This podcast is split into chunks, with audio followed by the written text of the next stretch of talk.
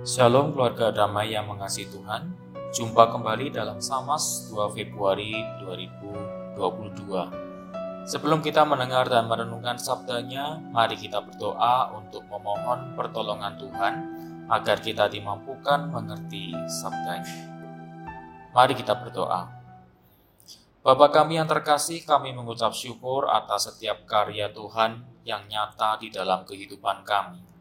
Perlindungan, penyertaan, dan cinta Tuhan kami rasakan melalui anugerah, kesehatan, dan kecukupan dalam hidup yang terus kami rasakan hingga hari ini. Saat ini kami berkesempatan untuk membaca dan merenungkan sabdamu, mampukan kami untuk melihat ke dalam pikiran dan keinginan Tuhan, sehingga kami mampu menjalani hidup kami seturut dengan kehendakmu. Di dalam nama Yesus Kristus, Juru selamat kami yang hidup, kami panjatkan doa ini. Amin. Bacaan kita hari ini terambil dari Injil Lukas pasalnya yang kedua, ayatnya yang ke-21 sampai 40. Bapak Ibu dan saudara-saudara sekalian, saya akan membacakan untuk kita sekalian pada pasal 2 ayat 21 sampai 35 dan sisanya mulai dari ayat 36 sampai 40 Bapak Ibu dan saudara sekalian dapat membacanya secara pribadi. LAI memberikan judul Yesus disunat dan diserahkan kepada Tuhan, Simeon dan Hana. Dan ketika genap delapan hari dan ia harus disunatkan, ia diberi nama Yesus, yaitu nama yang disebut oleh malaikat sebelum ia dikandung. Dan ketika genap waktu pentahiran menurut hukum Taurat Musa, mereka membawa dia ke Yerusalem untuk menyerahkannya kepada Tuhan. Seperti ada tertulis dalam hukum Tuhan, semua anak laki-laki sulung harus dikuduskan bagi Tuhan.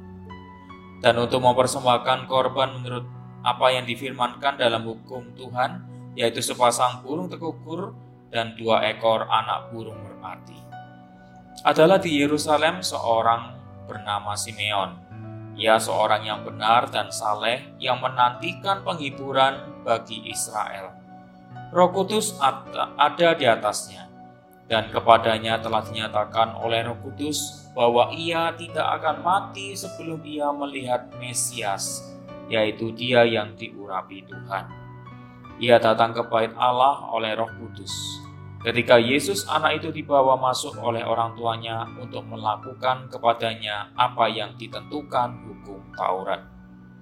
Ia menyambut anak itu dan menatangnya sambil memuji Allah, katanya, Sekarang Tuhan biarkanlah hambamu ini pergi dalam damai sejahtera sesuai dengan firman Sebab mataku telah melihat keselamatan yang daripadamu, yang telah engkau sediakan di hadapan segala bangsa yaitu terang yang menjadi pernyataan bagi bangsa-bangsa lain dan menjadi kemuliaan bagi umatmu Israel. Dan bapa serta ibunya amat heran akan apa yang akan segala apa yang dikatakan tentang dia. Lalu Simeon memberkati mereka dan berkata kepada Maria, ibu anak itu, Sesungguhnya anak ini ditentukan untuk menjatuhkan dan membangkitkan banyak orang di Israel dan untuk menjadi suatu tanda yang menimbulkan perbantahan. Dan suatu pedang akan menembus jiwamu sendiri supaya menjadi nyata pikiran hati banyak orang.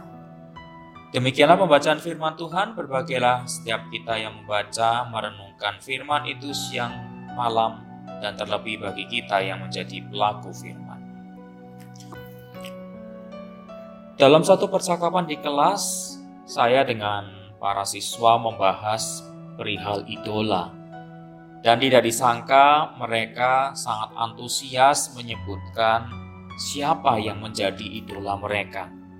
Senyum yang mengembang di wajah mereka menunjukkan betapa idola yang mereka idolakan saat ini sungguh menawan hati mereka.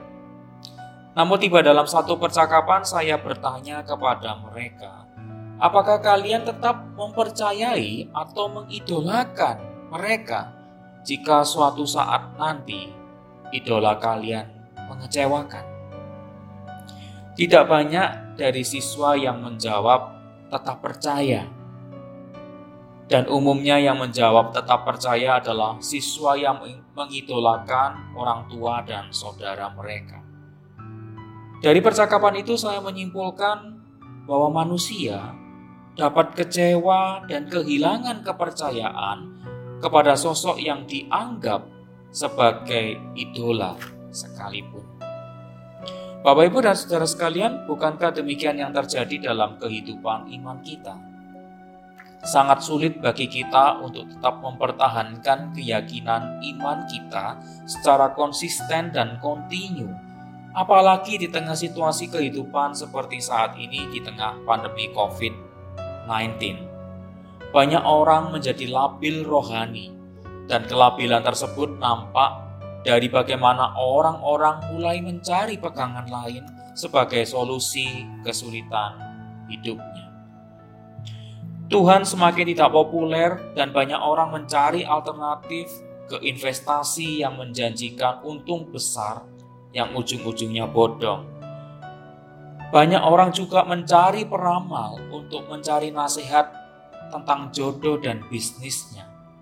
Bahkan orang mulai menggadaikan imannya untuk tetap bisa hidup nyaman. Dan realita inilah yang menunjukkan kepada kita betapa sulitnya seseorang menjaga imannya kepada Tuhan. Bapak, Ibu, dan saudara sekalian, hari ini kita disuguhi kisah menarik tentang penyunatan Yesus. Ada empat tokoh yang menarik perhatian saya, tidak termasuk Yesus di dalamnya. Yang dibahas dalam kisah tersebut yang akan kita renungkan tindakannya Dua tokoh pertama tidak lain adalah orang tua Yesus, Yusuf dan Maria. Bapak Ibu, mari kita mengingat kembali kehidupan Yusuf dan Maria. Kehidupan mereka tidak pernah mudah semenjak pewahyuan malaikat kepada Maria. Baik Maria dan Yusuf mengalami kegoncangan akal dan mereka juga berhadapan justifikasi masyarakat karena kehamilan Maria, ibu Yesus.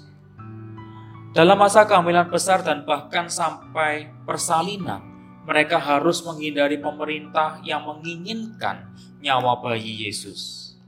Dan menariknya dalam kisah ini, orang tua Yesus tetap mengikuti aturan Taurat dan menyerahkan Yesus kepada Tuhan. Prosesi penyerahan Yesus mengikuti Taurat merupakan simbol bahwa Maria dan Yusuf mengakui bahwa Tuhan adalah pemilik kehidupan. Proses ini menunjukkan betapa iman Maria dan Yusuf teruji melewati badai yang selama ini melanda hidup mereka. Demikian juga yang ditunjukkan oleh Simeon dan Hana, kedua tokoh yang dikisahkan setelahnya.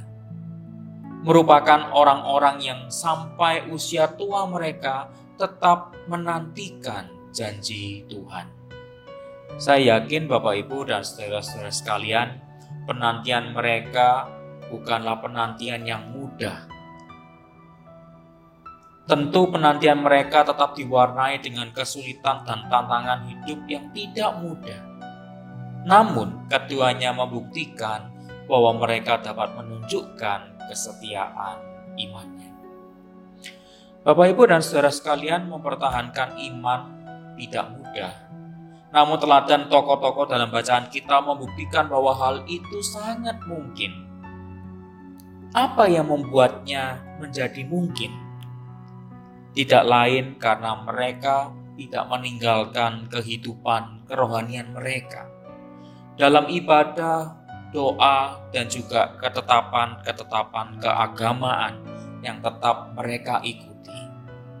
Semuanya itu membantu mereka dan juga kita untuk terus diingatkan tentang kebaikan-kebaikan Tuhan. Dan pengingat ini akan membuat iman kita tetap terjaga. Dahulu, sekarang, dan sampai selamanya. Amin. Mari Bapak Ibu kita sama-sama berdoa. Terima kasih Tuhan atas kesempatan kami boleh merenungkan sabdamu. Biarlah sabdamu menuntun kami kepada hikmat yang memampukan kami menjalani hidup kami dengan bijak. Bantu kami untuk terus berproses dengan keyakinan kami, sehingga kelak Engkau mendapati kami tetap setia dan hidup benar di hadapanmu. Demi Kristus Tuhan dan Juru Selamat kami, kami panjatkan doa ini. Amin. Sekian sama pada hari ini Bapak Ibu sekalian. Tuhan Yesus memberkati Bapak Ibu sekalian.